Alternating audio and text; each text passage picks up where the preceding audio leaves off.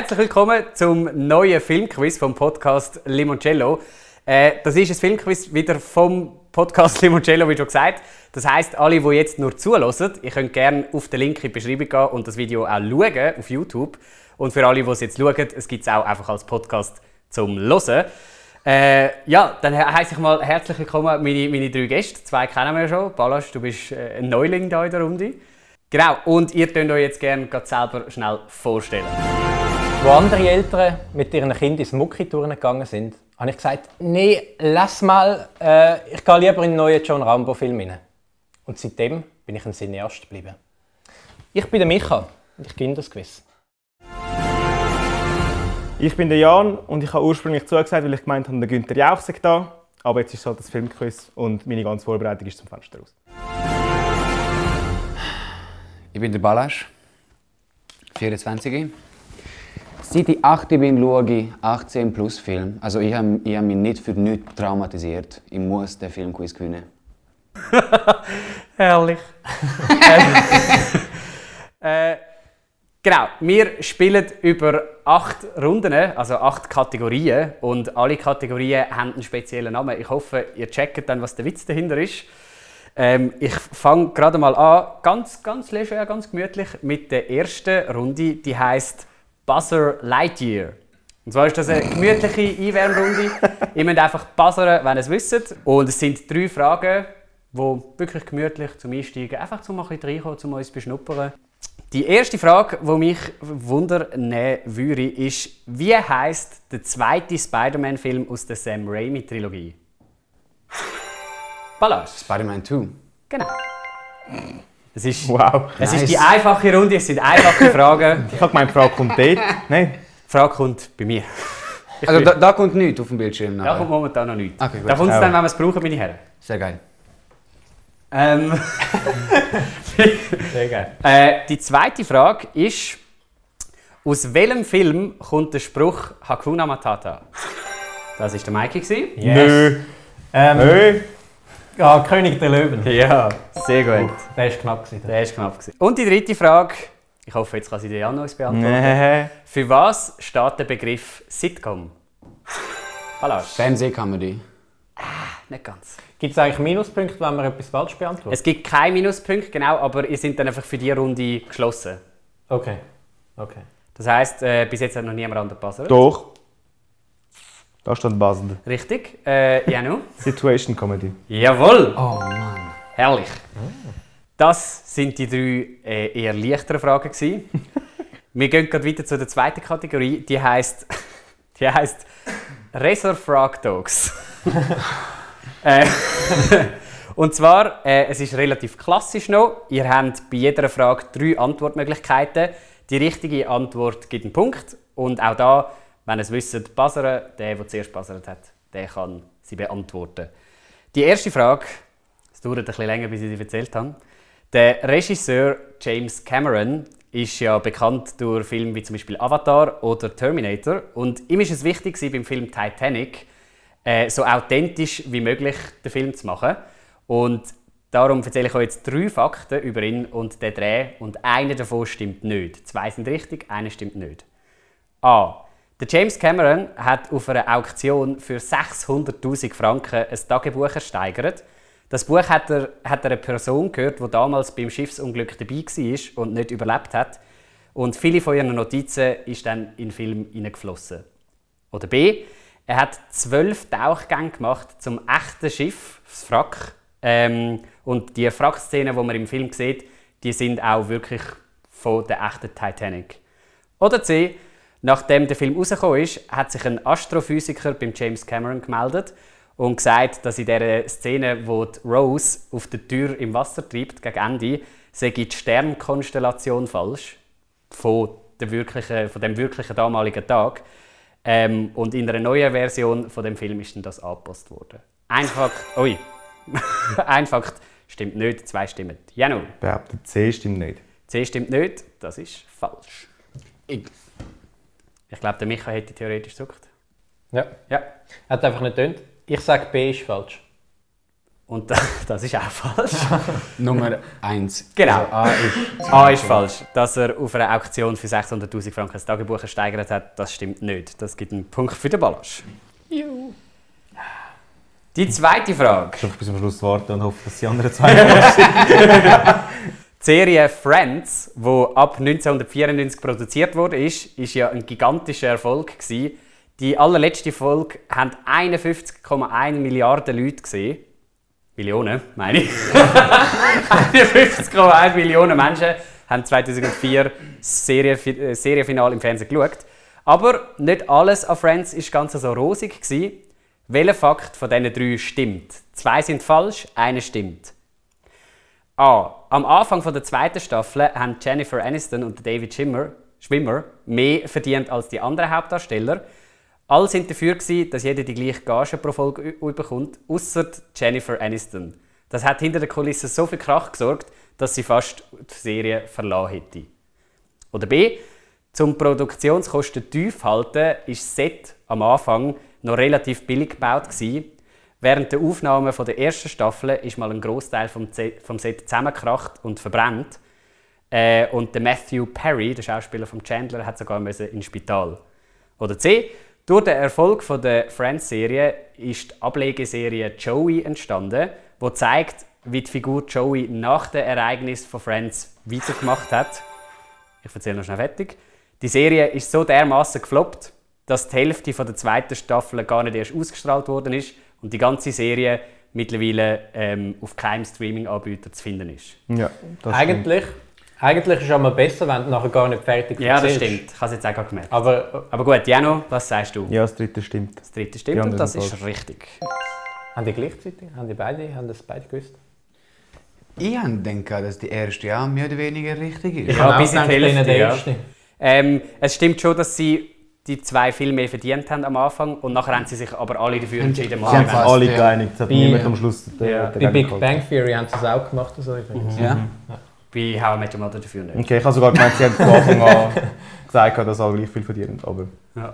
Gut, wir kommen zu der dritten Frage, meine Herren. Äh, wie wir ja vorher gelernt haben, äh, ist der Satz Hakuna Matata durch den Film Lion King bekannt worden. Das ist aber nicht einfach irgendetwas Erfundenes, sondern der Satz heißt auch wirklich etwas, und zwar auf die afrikanische Sprache Swahili. Äh, und jetzt ist natürlich die Frage, was heißt denn das? ähm, heißt das A, also so einfach übersetzt, probier es mal mit Gemütlichkeit oder bis locker unterwegs. B, es gibt kein Problem oder alles ist in Ordnung. Oder C, es interessiert mich nicht, ich will es nicht wissen. Und das ist der Janu. Der Janu sagt das Zweite und das ist richtig. Also ich habe gewusst, das erste, also dass es das erste nicht ist, ist ja klar. Wieso? Weil das erste ist ja aus dem äh, Dschungelbuch. ja, du bist gut. Du bist gut. Der Typ ist clever. So. Wir gehen schon zu der nächsten Kategorie. Die heißt Question me if you can. Oh, nice. Ähm, und da geht es jetzt nicht mehr darum, was ihr wisst, sondern darum, was die anderen nicht wissen. Das heißt, ich stelle euch eine Frage, zum Beispiel jetzt, wie heiße ich oder wie ist mein Nachname? Und dann tut der Micha zum Beispiel buzzern. Dann muss es der Micha nicht wissen, sondern er muss einfach sagen, «Mm, der Ballasch. Und nachher muss der Ballasch die Frage beantworten. Wenn sie den Ballasch kann beantworten, gibt es einen Punkt für den Ballasch. Wenn nicht, bekommt der Micha zwei. Aha, also ich muss, Wow. ich muss eigentlich sch- schätzen, wer es nicht weiß. Genau. Okay. Genau. Und wir machen da gerade los mit der ersten Frage. El Camino ist der Film zu welcher Serie? Aber Aha, sorry. Man muss gar nicht passen, oder schon? Ballas. Doch, du kannst buzzern und jetzt kannst du sagen, wer sie muss beantworten. Nummer die passen eigentlich. ja. Wenn man jetzt denkt, das wissen beide, dann ist es ja blöd, Ja, wenn dann man musst du nicht passen. buzzern, ja. Okay, dann okay. Jan, tu bitte die, die Frage beantworten. Es ist Breaking Bad. Und das ist richtig. Punkt für den Jan. Nice. Ich habe gedacht, das wissen eh beide, darum habe ich nicht passen. Gut. Ähm, welche Figur kommt in jeder Folge Two and a Half Men vor? Oh Gott. Es gibt nur eine einzige Figur, die in jeder Folge vorkommt. Von Two and a Half Men. Balasch. Alan? Und das ist richtig. Sick. Sind es einfach zu einfache Fragen? Himmel, Hättest du auch gewusst, Nein, ich hätte es nicht gewusst. Ich hätte auf auf gar Fall hätte ich hätte sie dir gegeben. gewusst. ich, ich habe noch gedacht, Ihr wisst wahrscheinlich, dass ich mich nicht gut damit auskenne. Ja, du meinst Ja, genau. Ja. Gut. Wie heissen die Eltern von Batman bzw. von Bruce? Genau. Balasch weiß es nicht. John Wayne und Martha. Das ist falsch. Es gibt zwei Punkte für den Jan. Fuck. Was ist denn das Richtige? Thomas und Martha Wayne. Aber Martha hat schon. Fuck. Martha hätte ich gewusst. Martha hätte ich gerne John, gewusst. Thomas Wayne. Weißt du John Wayne? Das ist aber. John Das Wayne. ist John Wick, was du denkst. Ja. John Wayne. der, der John Wayne ist doch so. Gibt es nicht einfach ein so Punkt für mich, also ein halber oder so? Wie heisst Nicht. die ältere? Es tut mir wirklich leid. Aber John Wayne ist so ein Westernheld, der gibt schon auch. John Wayne, ja. Aber wir machen gerade weiter. Und zwar, wie viel Kevin allein zu Hause oder Home Alone Film gibt es? Fünf. Das war ein typischer Ballard-Move. Das war ein typischer. gewesen. I'm so sorry. Voilà, müssen wir die Regeln nochmal erklären? Wem schenkst du den Punkt? Jetzt kannst du entscheiden, wem du schenkst. Ähm, aber es ist vielleicht sogar falsch. Aber Micha. Ja, ich glaube nicht, dass es falsch ist. Ich sage fünf. Und das ist falsch. Sind es vier? Das gibt zwei Punkte für den vier, oder? Ballast. sind vier. Es sind vier. sechs. Was? Eben, ich hätte gedacht, das sind denen mehr als, oder, also mehr als fünf. Der erste Film von 1990, den kennen wir, Kevin allein zu Hause oder Home Alone. Nachher Kevin allein in New York. Genau, das ist der zweite. Zwei. Der dritte ist wieder allein zu Hause. Oder auf Englisch heißt er einfach die Home die Alone gesehen, 3. gehabt? Nein, ich Nein, habe das nicht sind Die so- ersten beiden habe ich gesehen. Ja. Ja, aber der erste- Der der dritte Teil ist einfach ein Fernsehfilm, der ist gar nicht mehr im Kino gekommen. Und der vierte Teil, Kevin allein gegen alle, ist auch nur im Fernsehen gekommen. Ähm, Der Rest hat niemand mehr gejuckt. und ich glaube, dort ist der Kevin als Figur nicht einmal mehr vorgekommen. What the fuck? Der fünfte Teil, allein zu Hause, der Weihnachtscup. Und der sechste Teil, das ist ein Remake, äh, nicht schon wieder allein zu Hause, der ist glaube vor zwei Jahren oder so rausgekommen. Vor einem Jahr. Also, das gibt Punkte für den Ballast. Genau. Und dann gibt es noch äh, Kevins Cousin allein im Supermarkt, aber der hat überhaupt nichts mit dem Film allein im Supermarkt? Ja. Nein. Aber das ist so ein Film, der sich einfach so genannt hat, damit man ein bisschen mehr Leute kann. Äh, Aber gehört er überhaupt zu der Reihe? nein, dazu? null. Ja, aber Es sind ja auch völlig andere fünf. Leute. Es sind fünf, ja eben. Nein, es sind sechs. Kevin allein zu Hause, Kevin allein in New York, wieder allein zu Hause, Kevin allein gegen alle, äh, der Weihnachtscup und nicht, äh, nicht schon wieder allein zu Ah, Hause. okay. Gut. Sorry, dass ich dich an dir gezweifelt habe. Ist okay. Ähm, die Bist du es gewöhnt? Wie heisst am Sherlock Holmes seine Haushälterin? Ihr müsst es nicht selber wissen. Eben, ja, gerade überlegt, mich weiß es nicht. Der Micha weiß es nicht. Seine Haushälterin, also die heißt schon mal nicht äh, Sie Holmes nicht- zum Nachnamen, nicht das ist Martha. klar. ich sag ähm, Margaret Thatcher. Nicht ganz. Jano, die zwei Punkte äh, kannst du gerne mitteilen. Hätt, hätten die es beide gewusst? Nein, kein Plan. Wie? Wie heißt Ah, ja blöd. Ich Äh, muss es ja nicht wissen. sie heißt Mrs. Hudson. Ah, stimmt. Habe ich aber auch schon gehört, den Namen. So, wir gehen schon zu der nächsten Kategorie. Und die heißt, die heißt The Big Lechowski. Und zwar Ciao, weil wir machen äh, nacheinander äh, Serie. Das heißt, es gibt ein Überthema und ihr müsst zu dem nacheinander Film aufzählen. Und irgendwann weiß einer keine mehr, dann gibt es ein Finale zwischen zwei. Jetzt werde ich nervös. Und das gibt zwei Punkte, wenn man das gewonnen hat. Das braucht der Basel jetzt nicht. Ihr braucht den Buzzer nicht mehr, legt ihn gerne weg. Das ist meine Also, Lieblingskategorie, aber sie macht mich richtig nervös. Und zwar, äh, die Kategorie, die wir hier haben, sind Pixar-Filme. Und im Moment am wenigsten Punkte hat der Micha, darum fängt der Micha auch an. Und wartet immer noch ein bisschen, weil ich muss ja alle abstreichen. Wie ist es jetzt, wenn es mehrere Teile von einem Film gibt? Kann, kann Du man kannst, also man kann es 1, 2, 3, 4 einzeln nennen. okay, muss man dann den, wie den Untertitel von dem Film sagen oder kann man einfach Teil 1 sagen? Wenn es einen Untertitel gibt, musst du ihn auch nennen. Okay. Toy Story. Und das ist richtig, ja. Toy Story 2 in dem Fall. Das ist auch richtig. Toy Story 3. Das ist auch richtig. Toy Story 4. Das ist Wow. auch richtig. Ähm, Ratatouille. Ratatouille ist auch richtig. Findet Nemo. Findet Nemo richtig. Alles Steckkopf. Äh, das ist auch richtig. Ich muss ihn noch finden. Wie viel gibt's? Da. The Incredibles. Sehr gut. Warte schnell. Da, ja. The Incredibles 2. Ja, da gibt es leider auch. Findet Nemo. Ist schon gesehen. Und damit ist der Micha draußen. Es gibt noch ein Finale zwischen dem Balosch und dem Jan. Bin ich dran? Hm.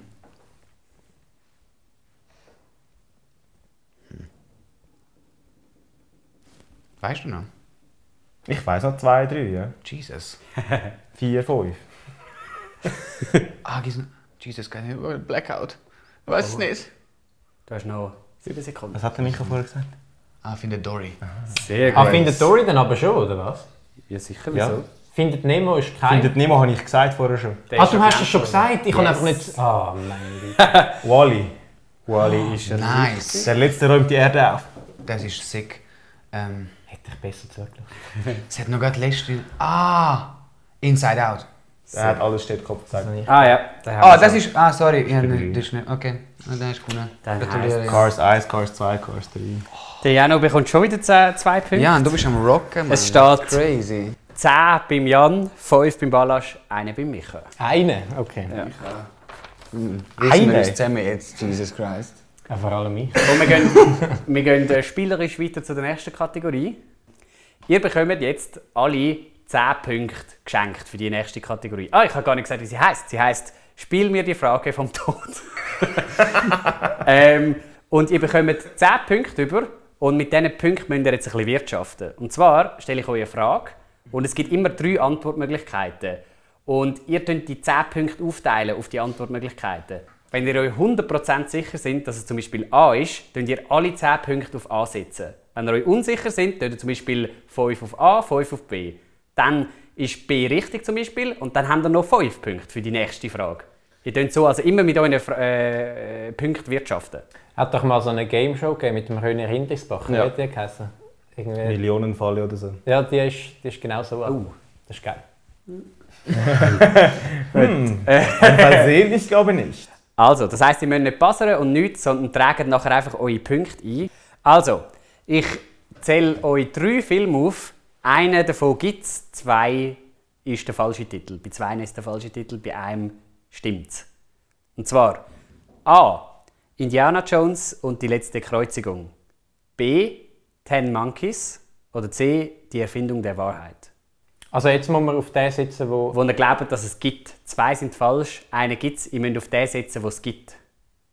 Ich sage es nochmal: Indiana Jones und die letzte Kreuzigung. Ten Monkeys, die Erfindung der Wahrheit.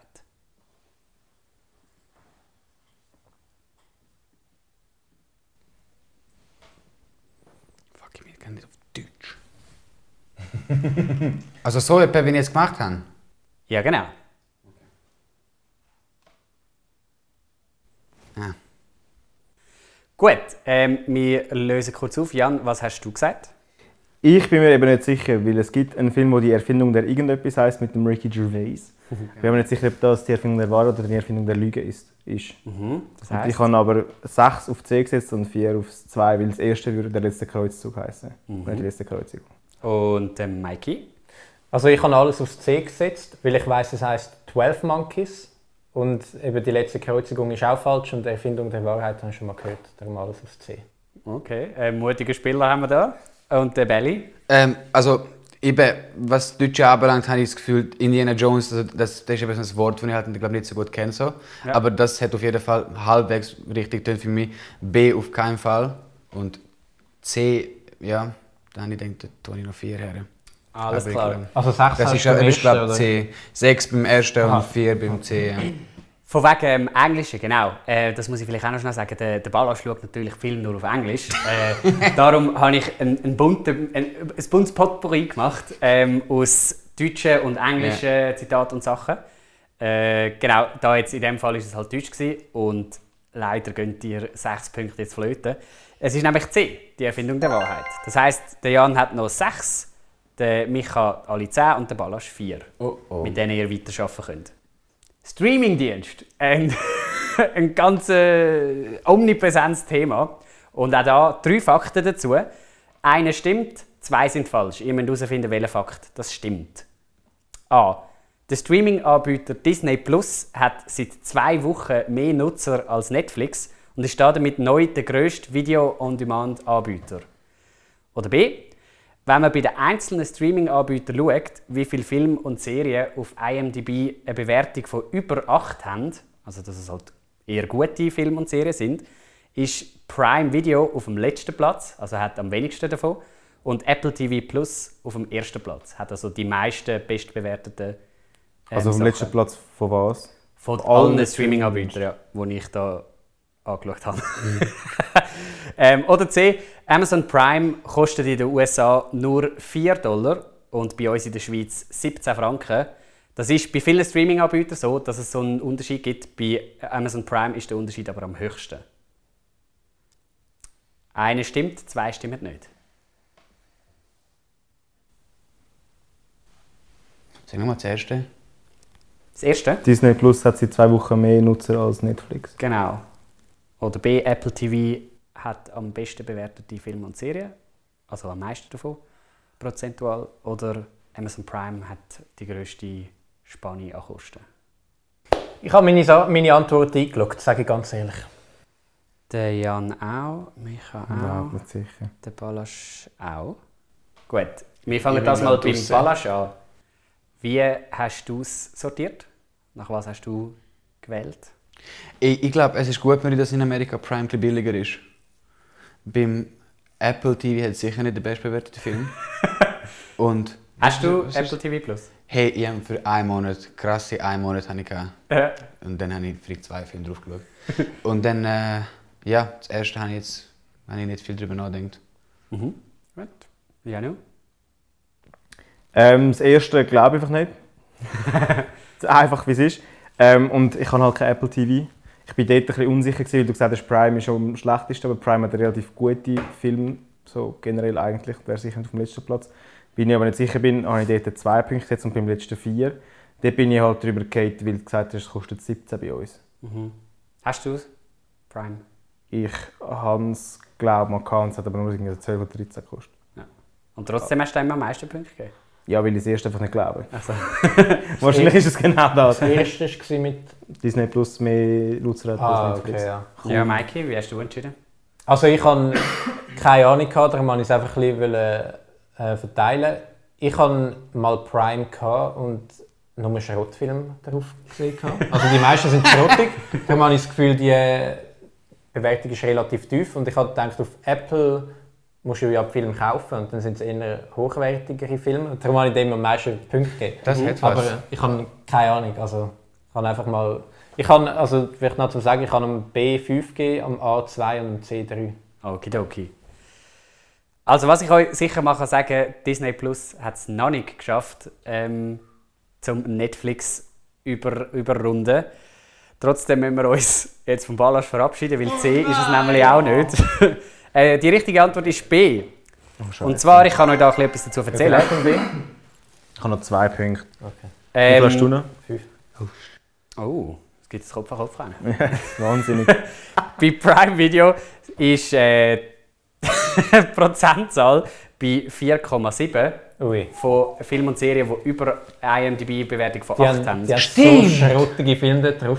Ja, Aber es gibt sowieso B-Movies von den 70er, so trashy Horror. Das liegt aber auch vor allem so. daran, dass sie gigantisch viel Auswahl haben. Ja. So wie auch bei Netflix, Aha. dort ist es bei 7,8 Prozent.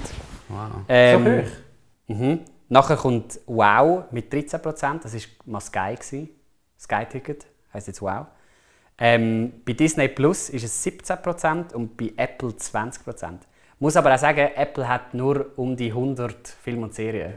Also Krass. mit Abstand am wenigsten, aber dafür sind die meisten davon, oder 20 Prozent davon, ähm, über IMDb-Bewertung von 8.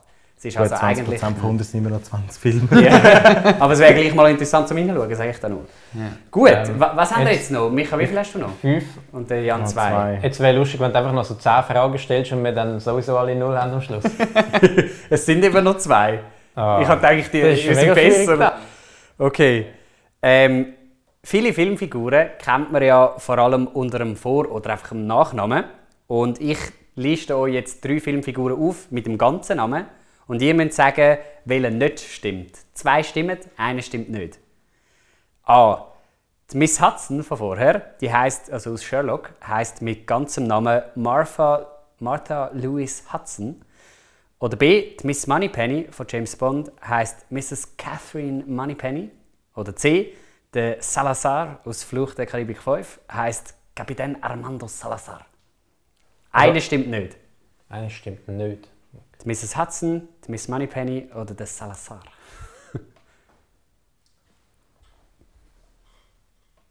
also der Young Got All In mit Was? Mit der Moneypenny. Mit dem Moneypenny und dem Micha? Ich setze vier auf die Moneypenny und einen auf, äh, auf die, äh, aufs A. Auf die Frau Hudson. Ja. Gut, ich sage mal so, jemand von euch wird Punkte verlieren. Schon klar. ähm, und das ist äh, der Micha, es ist nämlich die Miss Moneypenny. Die heisst nicht Catherine Moneypenny, weil das wird ja auch, es sind ja immer andere Figuren auch. Also ich habe noch vier. Und der Jan immer noch zwei. Wie heißt sie richtig? Also es gibt nicht einen Namen. Die sind verschiedene Namen, weil es verschiedene Echt? Figuren sind. Ja. ähm, dann kommen wir zu der letzten Frage von dieser äh, Rubrik. Und zwar Malcolm in the Middle oder Malcolm mittendrin ist eine US-amerikanische Sitcom, die zwischen dem Jahr 2000 und 2006 gelaufen ist. Und ich sage euch auch da wieder drei Fakten und einer davon stimmt nicht. Zwei stimmen, einer stimmt nicht. A. Der Vater von der Familie, der Hall, ist ja von Brian Cranston gespielt worden. Und der hat nach der Serie den Walter White gespielt. Also so, das stimmt auf jeden Fall noch. ähm, bei Breaking Bad. Und es gibt auf der Breaking Bad DVD ein Bonusmaterial mit einem alternativen Ende für Breaking Bad. Und zwar sieht man dort, wie er als Hall von Malcolm mittendrin äh, aufwacht und seiner Frau Louise erzählt, dass er geträumt hat, dass er ein Drogendealer war. Oder B. In der ganzen Serie wird nie gesagt, wie die Familie zum Nachnamen heißt, wo sie wohnt äh, und wie alt die Figuren sind. Und in der letzten Folge steht sogar auf einem Namenstafel von einem der Brüder No Last Name, ähm, um eine Art ein Meta-Gag zu machen, dass nie ein Nachname genannt wird. Und auch bei der Diplomverkündigung von Malcolm, äh, dann, wenn der Nachname genannt wird, gibt es so einen kurzen Aussetzer vom Mikrofon, dass man es nicht hört. Oder C. Ursprünglich sind für die Sitcom tatsächlich vier Brüder gecastet worden. Also jetzt sind es ja nicht in echt Brüder. Ähm, und die ersten zehn Folgen von der ersten Staffel sind auch mit diesen Schauspielern gedreht worden. Weil die sich aber so verstritten haben die ganze Zeit am Set, haben wir es müssen abbrechen und vier neue Schauspieler suchen. Ein Fakt stimmt nicht, zwei stimmen. Ich mache noch mal ganz kurz. Ähm, Breaking Bad, ein alternatives Ende. Äh, nie ist in der Serie der Nachname genannt worden. Oder sie haben vier Brüder gecastet. Also Ein Fakt stimmt nicht, Okay. den müsst ihr finden. Der Michael hat schon abgegeben. hm? Der Jan lässt seinen Finger noch gemütlich über dem Handy kreisen. Drei, zwei. Micha, nach was hast du überlegt? Also das erste habe ich glaube mal gehört, dass es stimmt. Mhm. Beim zweiten bin ich mir eigentlich, es tönt so plausibel, ich könnte mir auch vorstellen, dass ich es schon mal gehört habe. Ich weiß jetzt aber nicht, ob in Bezug auf diese Serie, vielleicht hast du da wieder irgendwie so ein freches Ding gemacht. ich habe jetzt mal einen Punkt einfach am B gegeben und drei Punkte am C, weil das C, denke ich am Menschen, dass es nicht stimmt. Und der, Ma- der Janu? Ich kann zögern zwischen einem Punkt fürs A und einem fürs C, weil ich das A einen schlechten Gag fände. ähm, aber ich habe mich jetzt entschieden, alles aufs A zu setzen. Alles auf A zu setzen. Also was ich euch kann sagen B äh, als Fakt stimmt. Das heißt, das ist schon mal nicht. Micha, du hast damit mindestens einen Punkt verloren. Das ist in Ordnung. Und was ebenfalls stimmt, leider Gottes, ist A. Das heißt, Jan hat alle Punkte verloren, der Micha, hat noch drei. Und die schreiben wir Aha, dem aha, Micha. das ist gut, das ist gut. okay. Es ist ein bisschen verwirrend. Aber wieso sagst du denn leider Gottes? Das ist ja perfekt. Das ist ein Traum. Janu, Junge, geht, ich kann nicht machen. Aber ich bin am schlechtesten Hey, dran. jetzt halt Ja. für mich ist schon mal ausnahmsweise. Stimmt, der Micha ist ja unser Underdog. Für mich ist ja... Das war jetzt dein Comeback-Moment. gewesen. Jetzt habe ich, ich bin immer noch am schlechtesten von allen. Oh, Nein, nein. Hä? Hä? Das hast du gemerkt? Das ist gerade der Bildschirm hat sich verändert. Hä?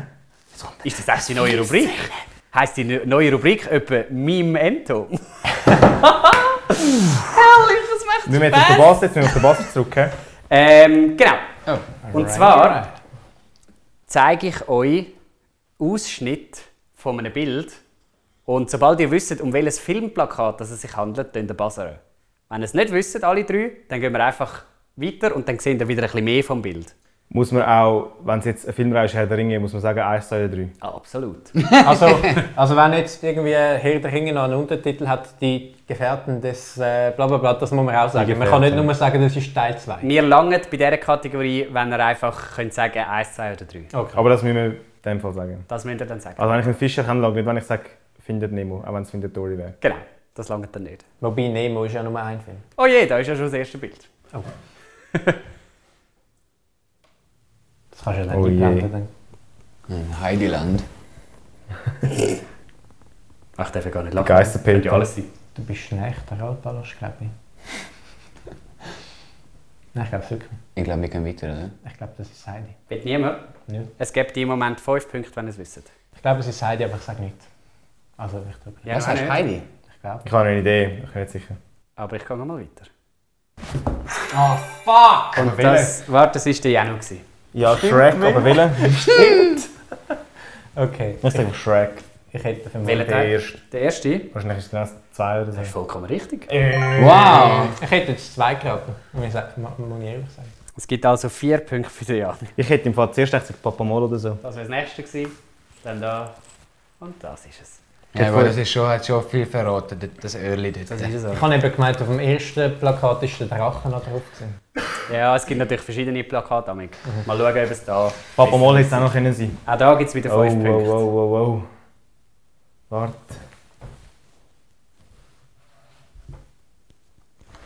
Was, wenn jetzt aber falsch ist, bin ich dus. Dann bist du draußen für die Runde, ja. Oh. Nein, ich drücke nicht. Also gut, ich mache einen weiter.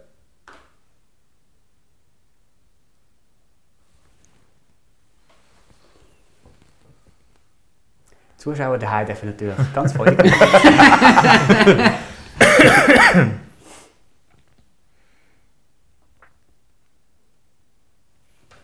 es gibt im Moment vier Punkte. Aber ich glaube, ich gehe einen weiter. Im Moment gibt es drei Punkte. fuck is this? Ah, wie heisst denn der? Es sieht ja schon Ähm. älter aus, nicht wahr? Also, komm, ich sage Blade Runner, der erste Teil. Herrlich, Micha, herrlich. Geil. Geil. Damn, son! Ich habe ich hab eben nicht gewusst, ob es noch einen. Untertitel gibt, wie irgendwie 2049 oder so, aber Ja, der ähm, Final Cut dann hat habe ich, hab ich gewusst, das lange der erste Teil. Und wir machen das Ganze gerade das dritte Mal. Mittlerweile hat übrigens der Micha den Balasch überrundet. Überrundet oder überhaupt? Ja, ja, jetzt sind wir noch Also fünf, überhaupt, oder? nein, ja, genau. ja, nicht mehr noch fünf jetzt. Du hast fünf, der Micha sechs. Wow, wow, Wie wow. viel wow. hat die Jan? Ja, das war schon Trug. Das ist der Parasite. Hoho, das sind fünf Punkte Ja. für den Belly. Ja, das, das Rechte macht sie- Das Rechte kann ich nicht gehen, aber links. Stimmt. Ich habe. Okay, Herrlich. nicht schlecht. Bang Yon Ho hättest du auch gewusst, oder? Jong Ho, ja? Ja. Sicher. Krass. Hallo miteinander. ähm, folgendermaßen. Ich gebe euch jetzt da mehrere. Oh, man sieht es gar nicht so gut. He? Naja, ich sage es euch nachher nochmal. Ich gebe euch mehrere Sachen zur Auswahl. Ihr äh, nehmt das, wo ihr denkt, ihr könnt am meisten dazu sagen. Zum Beispiel MCU, Film und Serie. Wenn ihr denkt, ihr könnt da ganz viel dazu sagen, dann nehmt ihr das. Ihr müsst aber mir nicht sagen, was das ihr nehmt. Und ich frage euch jetzt dann gerade, wer kann mir eins nennen, wer kann mir zwei nennen, drei, und ihr streckt so lange auf, bis ihr denkt, ah, jetzt weiß ich aber nichts mehr. Das heisst, wenn jetzt zum Beispiel der Micha bei 12 sagt, ah, ich weiß nicht mehr, geht er runter. Wenn der Ballast findet bei 15, geht er runter. Das heisst, der Jan muss nachher 16 zum Beispiel MCU, Film und Serie nennen. Oder das, was er auch genannt hat. Und wir haben da links oben James Bond Filmtitel, äh, Top 50 erfolgreichste Film, äh, Film mit dem Leonardo DiCaprio als Schauspieler, Harry Potter Charakter aus dem Film, MCU Film und Serie, Figuren aus How I Met Your Mother und Schweizer Film. Ja gut, Schweizer Also Film geht raus. wir, wir überlegen uns das. Der ist raus für mich, glaube Sagen nicht, was wir haben. Genau. Nein, du tust einfach so lange, wenn du, wahrscheinlich gehst du auf James Bond Filmtitel. Und er zählt auf 5, 10, einfach sobald du sagst, so viel kann ich nicht sagen. Und wenn er, Aha, es geht um wenn du Filmtitel. 12, dann du sagst, du kannst 12 Titel sagen. Es geht nicht Und er überall um sagt- Filmtitel. Einfach der James Bond Filmtitel. Und ich gehe jetzt zum aus auch Major Mother Figuren. Ich habe habe das Gefühl, ich will 15 anbringen. Dann hebe ich so lange auf, bis er bei 15 ist. Wenn ich der bin, der als letztes die Hand oben hat, also, wo quasi, Dann musst du liefern. dann muss ich die allerdings Genau. kommt dann wahrscheinlich 15 Punkte über. genau. Also, Geil. hat jeder von euch etwas? Warte. Ich will jetzt nicht sagen, was. Also, wer kann mir etwas davon sagen? Verstecken. Wer kann zwei, drei, vier, fünf, sechs, sieben, acht, neun, zehn, elf, zwölf, dreizehn, vierzehn, fünfzehn, sechzehn, siebzehn, 18, 19, was? 20, 21, Was nimmst du? 22, 23. Ja, das ist meine Limite, die ich mir gesetzt habe. Du bist noch da! Ja? Magst du, magst du MCU? Nein? Also 23 Aber im ich könnte dir Moment, vielleicht helfen. 24, Jesus Christ. 25, Also ich gebe einfach einen Try. jetzt, ja. 26, 27. Also 27 für den Ballast. Was nimmst du gern? Den MCU.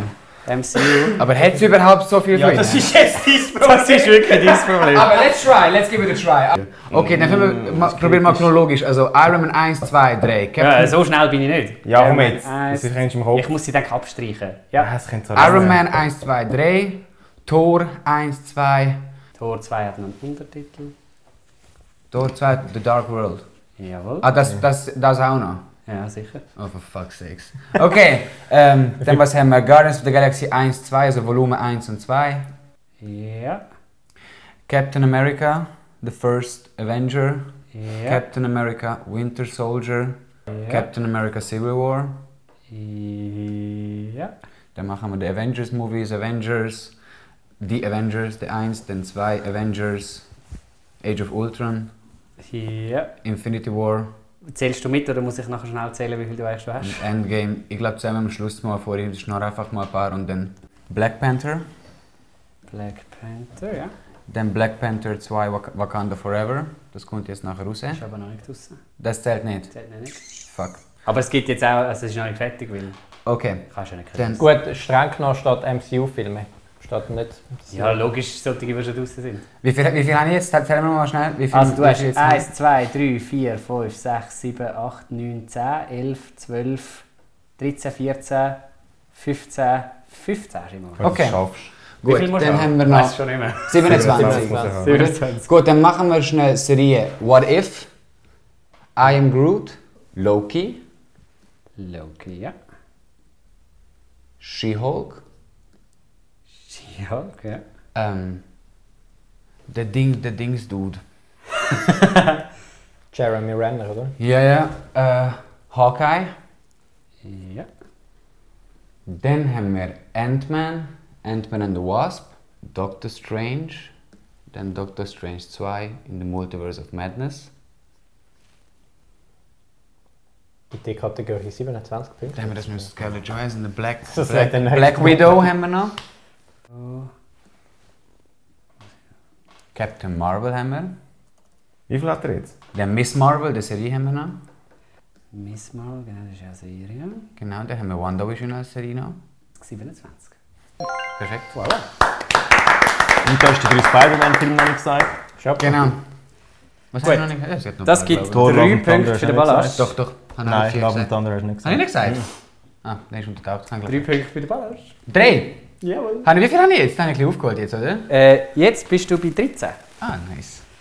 Gut, wir machen das gerade nochmal. Ich könnt euch nochmal etwas aussuchen. Außer natürlich jetzt MCU. Ah, schade. Also das fällt jetzt für alle weg. genau, das fällt für Nicht nur alle. für den Ballast.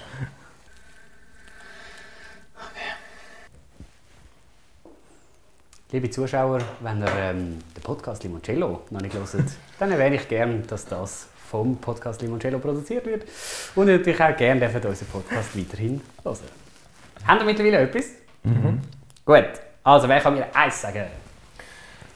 Zwei, drei, vier, fünf, sechs, sieben, acht, nein elf, zwölf, dreizehn, vierzehn, 15, 16, 17, Da kommt geh runter. 18, 19, 20, 21, 22, 23, 24. 24 für den Jan, was darf es gerne sein? Harry Potter Charakter. Harry Potter Charakter. Was echt? Krass. Muss mir wieder ein bisschen Zeit geben, weil das Ja. ist jetzt... Äh, ja, also. Also. Harry Potter, Ja, James Potter. Das ist der Vater von Harry ich Potter. weiß es schon. Ich muss nur in, in der Liste muss ich ihn dann finden. Ja, ist gut. Ja. Lily Potter. Lily Potter. Ja, zählt, Micha, zählst du mit, bitte? Wir sind bei drei. Drei. Okay. Sehr ein bisschen laut. Dann Vernon Dudley. Ich äh, wissen, wie das schreibt. hä? Vernon, Ah, du musst V-E-N. alle gucken.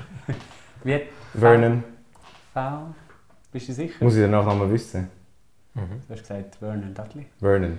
Uncle Vernon. Mhm. Ja, du. Ja, Dursley heißt er. Dursley, jawohl. Weil der, der Sohn heißt Dudley. Dudley Dursley. genau, sehr Und gut. Mutter Der heißt Petunia Dursley. Petunia Dursley, hure gut, jawohl. Dann Hermione Granger. Also ich würde sagen, wir brechen da schon ab, weil zuerst etwas Falsches gesagt wurde. Wir lassen es noch durchgehen. jawohl. Ihre Katze heißt Crookshanks. Mhm. Ähm, Harry seine Eule heißt Hedwig. Bist du am Zählen? Ja. Es sind ich sieben. Acht. Oder acht schon. Ja, ich bin auch am Zählen. Dann Ronald Weasley. Der Runny Boy. Jawohl. Oh, Ginny Family. Weasley. Nein, nicht ganz. Dann Fred Weasley. Ja. George Weasley. Ja. Dann der Hagrid. Rest in peace. Rest in peace. Absolut. Kannst du auch den Vornamen sagen? Rubius. Krass. Ja, ich hätte es auch nicht durchgehen. Albus Dumbledore. Kannst du bitte alle vier Namen aufzählen für mich? Nein, kann ich nicht. Albus Percival, Brian, irgendetwas. Gut. Äh, Minerva McGonagall. Severus Snape. Ja. Oh Gott. Sirius Black. Ja. Remus Lupin. Wie denn? Remus Lupin. Ah ja. Mhm. Nein, ne? oder? Nein, sind erst bei 18. 24, oder? Mhm. Ah, ich bin bei 23. Lord Voldemort. Ähm, Neville Longbottom. Noch drei. Easy peasy. Ähm, habe ich Draco Malfoy schon gesagt? Nein. Aber du darfst ihn gerne noch Ja, ich nehme gerne Draco Malfoy. Bellatrix Strange. Noch einen, hä? Und äh, Dobby der Hauself. Sick. Knapp. Hast du Termine einmal gesagt? Ja, Okay. wäre am Anfang auch dort gegangen. Wow, wow, wow. Jetzt äh, geht es um wahr oder falsch Aussagen. Das heisst, ich mache eine Aussage und auf drei tun die Daumen auf, wenn ihr sagt, das stimmt, oder Daumen ab, wenn ihr sagt, die Aussage stimmt nicht.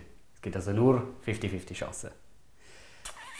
Und ich merke gerade, ich habe nicht einmal einen Titel genannt für die Rubrik. Nee. Ja, no. Also, die erste Aussage. Und ihr tönt erst, wenn ich sage, jetzt aufheben.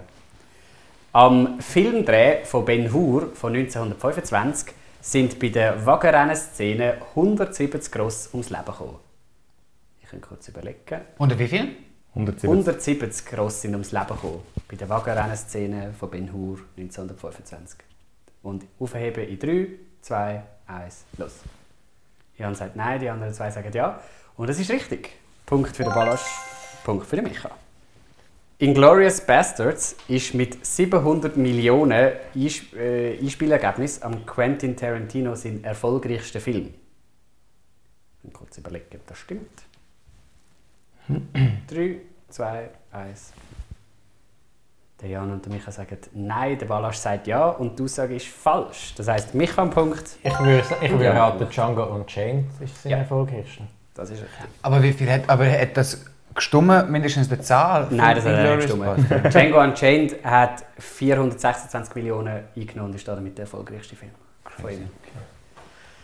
Und die letzte Frage. Der Tom London hat in rund 2000 Filmen mitgemacht und ist im Guinness Buch der Rekorde vermerkt als Schauspieler, der in den meisten Filmen mitgemacht hat. 3, 2, 1, los. Micha und Jan sagen nein, der Balasch sagt ja und die Aussage ist richtig. Yeah! Crazy. Das ist aber schon ein Zeitchen her. 2005 wieder so 10 Stutz zum schnell neben durchlaufen. Ja, Was? wahrscheinlich so. Ist es so ein Ehrenstatist oder Ja, voll. Ähm, wir neigen uns schon am Ende zu. Jetzt, äh, damit wir noch am Punkt aufholen, Wow. gibt es noch, Ich weiß nicht, nicht so viel Mühe gibt's noch ein 1 zu 1. Das heisst, ihr wählt aus zwischen drei, ähm, drei Film-Franchise und müsst nur, also jeder von euch wählt eins und zu dem Franchise müsst ihr dann Fragen beantworten. Aber nur die eine Person von euch tut zu dem, was er gewählt hat, beantworten. Und zwar könnt ihr entweder Fragen zu Star Wars, Fragen zu Harry Potter oder Fragen zu äh, Pirates of the Caribbean. Und weil im Moment der Micha am wenigsten Punkte hat, darf der Micha auch wählen Star Wars, Harry Potter oder Pirates of the Caribbean. Also ich, würde, ich schwank zwischen Star Wars und Flucht der Karibik. Aber ich glaube, bei Star Wars. Also, Harry Potter habe ich keine Ahnung, aber das, da weiß ich, dass das der Jan nimmt. Darum wäre es blöd, wenn, ich's, ich- darf wenn ich keine Ahnung habe. Aber ich glaube, der Balasch, jetzt taktisch, hat mehr Ahnung von Star Wars als von äh, Flucht der Karibik. Darum nehme ich Star Wars. Chillig. Du nimmst Star Wars? Ja. Gut, Micha, das ist dies 1 zu 1. Oder kann er jetzt auch noch mal Star Wars nehmen? Nein. Ah, okay. Ja, es sind ja die gleichen Fragen. herrlich, Micha, herrlich. Ähm, A, B oder C? Spielt Star Wars A in der Vergangenheit, B in der Gegenwart oder C in der Zukunft? C. Und das ist schon mal falsch. Vergangenheit. Es spielt in der Vergangenheit. Echt? Jawohl. Was antwortet der Han Solo in Star Wars äh, auf die Prinzessin Leia ihres Oh mein Gott, Ich liebe dich beziehungsweise I love you? Sagt er A, ich dich auch, B, ich weiß, C, endlich oder D, einverstanden? Ich dich auch, ich weiß, endlich, B, ich weiß. Und Das ist richtig. Herrlich. der, äh, jetzt gibt es einen Fakt für dich und du musst sagen, ob der Fakt richtig oder falsch ist. Der Alec Guinness, das ist der, Schausp der Ursprungsschauspieler von Obi, vom Obi-Wan Kenobi, also in der Originaltrilogie, äh, der findet den Film richtig scheiße und bereut, dass er mitgespielt hat. Ihn nervt auch, dass der Film so erfolgreich wurde. ist. ist das richtig oder falsch? Das ist falsch. Ich sage. Nein. Ja, was wäre die Herleitung? Nein, ich hätte jetzt eher gedacht, dass, der irgendwie, dass er die neuen Filme scheiße findet und das wieder so eine Fangfrage ist. Ja. Aber Aber das ist im Fall ein bisschen unkorrekt, weil es ist im Fall nur auf den Dreh selber spe spezialisiert. Also er hat den Drehcast und die Vorbereitungen. Aber nachher hat er dann gesagt, wegen der George Lucas ist ein super Regisseur und so Zeugs und Sachen. Aber es ist so ein es ist nicht ganz klar, weil eigentlich hat, ist er nachher dann schon ein bisschen verhören. okay. ich nehme ich nehm einen halben Punkt. Ähm, meine Fakten. Äh, meine, meine, so. Also jetzt heisst, er hat bis zu seinem Tod gesagt, er bereut, dass er das gemacht hat. Ja. Weil das, Also nein, er hat es in einem Interview nach dem Film mal gesagt. ja. Okay. Lustig, weil ich habe auch Interviews gesehen mit ihm, wo er, wo er gesagt hat, dass, es, äh, dass er den eigentlich sehr toll findet. So. Ja, ich weiß nicht, ob er seine Meinung geändert hat. Schauspieler reden so viel, der liebe Ja, der ist noch- Das das ist auch das Gegenteil. Es gibt einmal jetzt mal keinen Punkt. So. Das ist die Hauptsache. Ähm, ich lese dir jetzt einen Ausschnitt aus einem Film vor. Du kannst sagen, ob du auf Deutsch oder auf Englisch. Der Ausschnitt. Oh, Star Wars. Ähm, ja, tu mal Deutsch. Okay. Und du musst sagen, aus welchem Film das der Ausschnitt kommt. Und je mehr, dass ich dir halt muss vorlesen desto weniger Punkte gibt es. Jetzt am Anfang würde es sieben Punkte geben. Ui. Ja. Aber da, ob du das weißt, verstanden, Meister. Es gibt sieben Punkte, wenn du den Film kannst nennen Okay, weiter. Sie werden nicht rechtzeitig vor Ort sein. Sie müssen quer durch die halbe Galaxis reisen. Hier. Geonosis ist weniger als ein, ein Passes entfernt. Ich habe jetzt Teil 1 im Kopf. Also Teil 4 von der Reihenfolge. Also Teil 4, der vierte Teil, der gemacht wurde. Ist, Also Star Wars 4, Episode 4. nein, das 1. Star Wars Episode 1. Da musst Habe ich jetzt im. Kopf, aber ich weiß nicht, ob ich schon so sagen Ich gehe auf Risiko und sage es 1. Und das ist falsch. es wäre Episode 2 gewesen. Okay. Dann, die fünf- fünfte Frage. Ich lese 10 Figuren Namen vor und sobald du eine Figur hörst, die nicht zu dem Franchise gehört, oder zu dem Hauptfilm, ähm, dann tust du buzzern. okay. Und es gibt mehrere, die nicht reinpassen, nicht nur eine. Also ich lese ganz entspannt und du tust einfach, sobald du jemanden hörst, tust du buzzern. Der Mace Windu. Commander Spock. Genau, das ist keiner. Das ist schon mal ein Punkt. Obi-Wan Kenobi. Lord Voldemort. Oh ja, ich muss dich ja wieder freischalten. Also du sagst Lord Voldemort. Und das ist natürlich richtig. Ähm, die Padme Amidala. C3PO. Yoda. Ahsoka Tano. Darth Sidious. Dominic Toretto. ja. Ich Genau. frage mich eben teilweise, sind es so nur offensichtliche Namen, wie irgendwie Dominic Toretto? Oder gibt es teilweise auch so Sachen, so Namen aus Star Trek, die noch irgendwie könnten passen? Ist der Ahsoka Tano, ist der eine eine gesehen oder nicht? Also der stimmt. Okay. Ja. Und die letzte Frage. Du kannst ähm, Nein. fünf Punkte holen. Zähl mir doch bitte, oder nenn bitte in der Reihenfolge Namen von den Filmen. Oh, aber das sind Gratispunkte. In der Reihe von Star Wars 1. ähm, Ja, nur schon traurig, Oh. dass du die Episode vergessen hast. also, das Erwachen der Macht. Wäre nicht der erste. Also, die Reihenfolge muss stimmen. ja. Äh, ich hätte ihn auf Englisch sonst im Ja. Angebot, Force Awakens. Ist er immer noch falsch? Ja, ähm, also in der Reihenfolge. Reihenfolge. Episode 1. ist- Aha, okay. Der letzte Jedi-Ritter. Haben wir schon stehen abbrechen. Ja, wir brechen ab. Okay. Keine Ahnung. Leider gibt es keine weiteren Punkte für den Micha. Aber der Ballast kann sich schnell aufzählen. Ja, ist mir gut. Ähm, Die wirklich Kein Punkt für das. der, der am zweitwenigsten gehabt hat, ist der Balasch. Du darfst Harry jetzt sagen, Potter. Harry Potter. Ah, fuck. Nein, ich, Kannst du ich, gut ich, ich, ich, ich habe noch gehofft, dass ich es noch kann wählen kann, aber Pirates of the Caribbean wäre das, das wäre einfach gottlos ne, bei mir. Bist du sicher, dass du Harry Potter willst nehmen Ja, bitte schnapp's mir an weg. Ja? So schnapp's es. Ah, schade. Wieso? Wegen? Ich habe jetzt darauf gepokert, dass du. Äh, dass du äh, Flucht der Karibik? Nein, eben nicht. Star Wars. Star Wars nimmst. Weil bei Hätte Harry, ich auch Potter, genommen. bei Harry Potter habe ich die englische Übersetzung nicht. vom, vom Ausschnitt. Ups. Egal. Schaffst gleich. schon. Gut. Balasch. Yes. Das ist dein Eis zu Eis. Yes. Wie heisst, also du kannst auswählen A, B oder C, wie heisst das bekannteste Zaubergefängnis von dieser Welt? A. Azkaban, B. Malfrey, C. Symphony. Azkaban. Das ist richtig. Wie heisst der Entwaffnungszauber? A. Brauchst du überhaupt eine Auswahl? Brauchst du überhaupt einen? Jo! Also, Ja, es es für das Publikum auch, aber dass das Publikum auch kann ein bisschen mitspielen also das gibt einen Minuspunkt für den Jan. Aber das ist mir Fall noch gerne nicht so Dings, weil ich ihn auf Deutsch aber nie gesehen deswegen muss Heißt schon gleich kurz- auf, äh, es gleich Ja? auf Deutsch. Egal, mach. Also, der Entwaffnungszauber heisst A. Wingardium Leviosa, B. Expecto Patronum oder C. Expelliarmus. Experimus. Und das ist richtig. Ich gebe dir eine Aussage, du musst sagen, ob sie richtig oder falsch ist. Die Figur Harry Potter hat im Buch ja grüne Augen und im Film nicht. Und das liegt daran, dass der Daniel Radcliffe eigentlich grüne Linsen hätte sollen tragen ähm, der hat, Die Linsen haben ihm aber so mega weh getan, dass er sich geweigert hat und sie haben dann darauf verzichtet. Ist das richtig oder falsch? Das ist richtig. Das ist richtig. Und jetzt ähm, tue ich dir eben einen Teil vorlesen. Und genau, ähm, je weniger dass du hören musst, du musst sagen, von welchem Film das es kommt.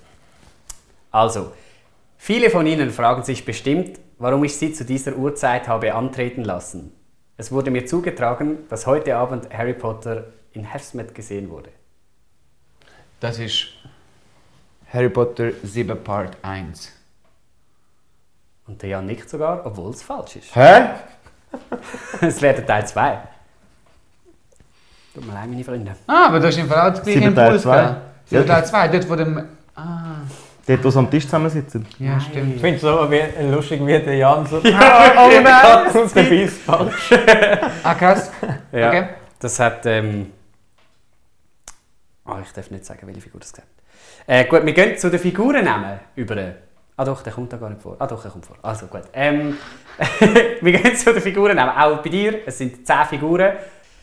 Albus Dumbledore. Michael Myers. Michael Myers? Michael Myers ist nicht drin. Das stimmt. Ist das Halloween? Genau. Severus Snape. Ron Weasley. Neville Longbottom. Jake Sully.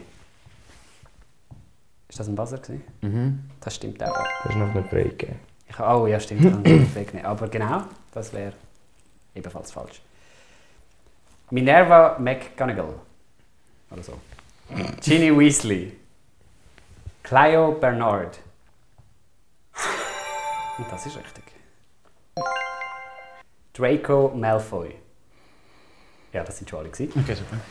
Und jetzt auch bei dir, bitte der Reihenfolge nach alle Filmnamen aufzählen, ob Englisch oder Deutsch ist mir gleich. Okay, also ganz auf Englisch. Ja, Harry Potter and Sorcerer's Stone. Ähm, schon mal falsch. Sorcerer's- Falsch. Schade. Ähm, ja, Philosopher's Stone. einen Versuch, weil mich Sorcerer's Stone, also beim Bu Es geht um Es geht um Film, Ballast. Film Das mit ist ein Leben. Filmquiz, Ballast. Oh mein Gott! Nimm mal einen halben Punkt gibt das, okay. Ich nehme mal wieder Bücher. Okay, dann Harry. Potter, the, Cha- the Chamber of Secrets, Harry Potter and the... Äh, wir sind immer noch beim ersten. hä? Was? Der Du erste, ersten nicht der erste, der allererste Film. Der allererste Film? Ja. Harry Potter and the Philosopher's Stone. Ja. Ähm, Harry Potter and the Chamber of Secrets, Harry Potter and the... Azkaban, etwas? Fuck, ich kann es nicht auf Deutsch, ich kann das, ich kann nicht, es ist noch lustig, weil ich kenne die eben auch auf Ungarisch, nicht nur auf Englisch. Perfekt, den lassen wir raus, weil der weiß nicht, wie es Eng- Englisch ist, aber der, der, der Gefangene von Azkaban, den mache ich auf Deutsch. Dann äh, the, Glo the, the Goblet of Fire, Order of Phoenix, Half-Blood Prince, ähm, Deadly Hallows Part 1 und Part 2. Und das sind fünf Punkte für den Ballast. Das ist jetzt schon die letzte Runde jetzt eigentlich. Ja. Und jetzt kommt noch der Janni. Ich nehme gerne Harry Potter. Ja, no. Wie viele Punkte muss ich machen? Äh, was ist dein Anspruch? Ja, Weiter als du Micha bist? Und zum... Schon jetzt. Bevor du überhaupt da Ja. Und es fehlen, glaube ich, neun Punkte bis zum Ballast. neun. Ja. Wie heissen die Goldmünzen im ersten Teil?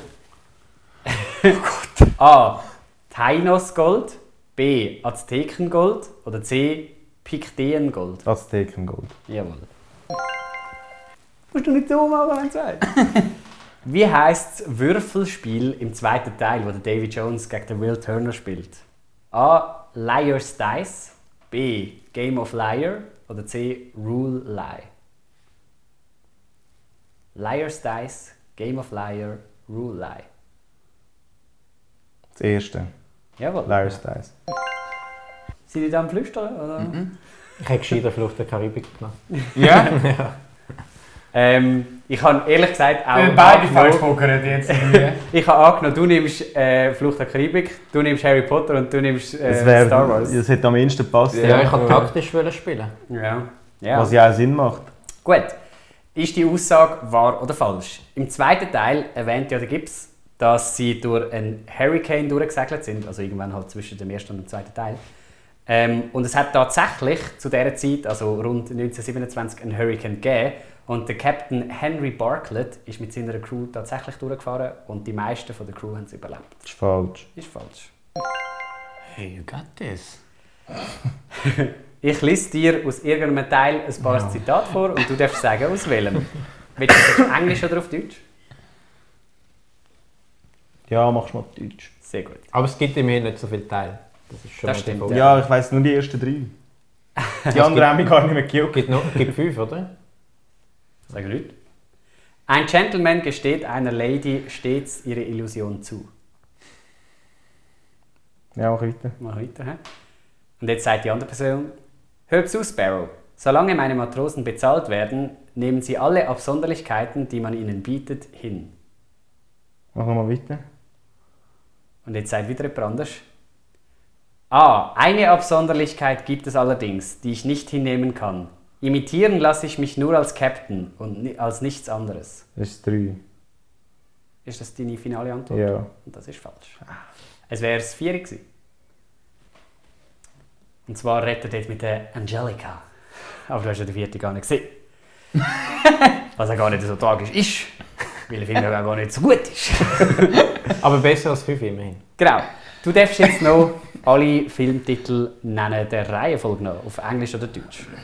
Gott im Himmel. Hat es eins überhaupt einen Untertitel? Hey, ganz ehrlich, eigentlich ist es doch gut, dass ich Star Wars genommen habe, weil ich könnte bei allen drei Haien das nicht aufzählen. Weil ich achte nie auf die Untertitel. Ja. Hat es eins einen Untertitel? Ich sag doch nicht. Äh, Wollt ihr da ein bisschen Tipps rauskramen? Nein, hat es nicht. Das erste erkannt ist auf Flucht der Karibik. Auf Deutsch? Ja, genau. Das ist richtig. Gut. Ist- Zwei ist fremde Gezeiten. Ist das deine letzte Antwort? Vielleicht will ich dich auch verwirren. Ah, warte jetzt. Stell dir vor, einer ist so bei einer seriösen Quizshow, der Günther ja auch. ich habe mich ja auf den Günther ja vorbereitet. Kannst du schon schnell etwas da unten holen? hä? also, Äh, Komm aber mit dem Lift tun. Komm mit dem Lift tun. Nicht aber, Ruhe. oh, oh, oh. Ah, jetzt. Also, ja, noch der zweite Teil gerne. Willst du dich festlegen auf was Ja, gesagt? fremde Gezeiten. Fremde Gezeiten. Das ist richtig, das wäre der vierte Teil. Damit ist das Spiel auch für dich vorbei. Aber das 3 ist ja am Ende der Welt. Genau, und das zweite hat ebenfalls kein. Das Flucht der Karibik 2? Ja, oder Ah, auf. Englisch Dead Man's Chest. Eben, das hätte ich gewusst.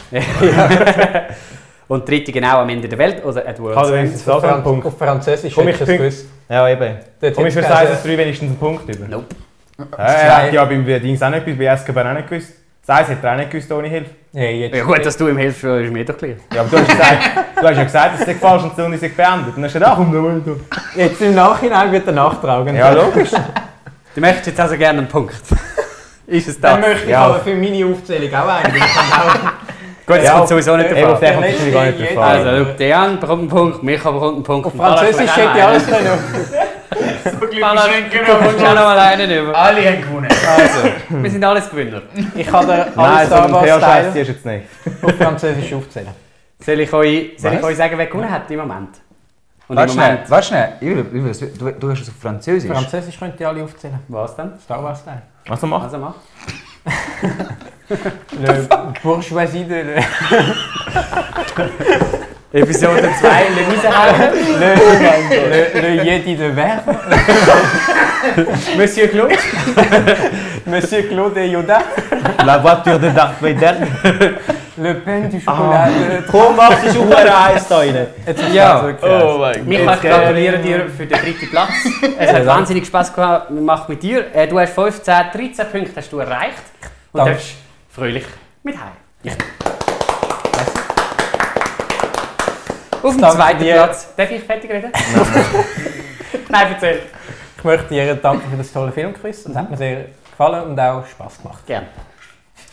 Für mich gibt es keinen Applaus, gut? Ähm, nein, der Jan, ich gratuliere dir ganz herzlich zum zweiten Platz. Merci. Und zwar mit 20, 21 Punkten. Danke. Ein bisschen mehr als der Michael. Auch das ist ein Applaus verdient. Und Balasch, du bist hier hingekommen, niemand hat dich gross gekämpft bisher. Äh, du, du kommst hier hin, du das Game auch schnell durchspielen. Oder du hast ganze 27 Punkte gemacht. Danke. Ja.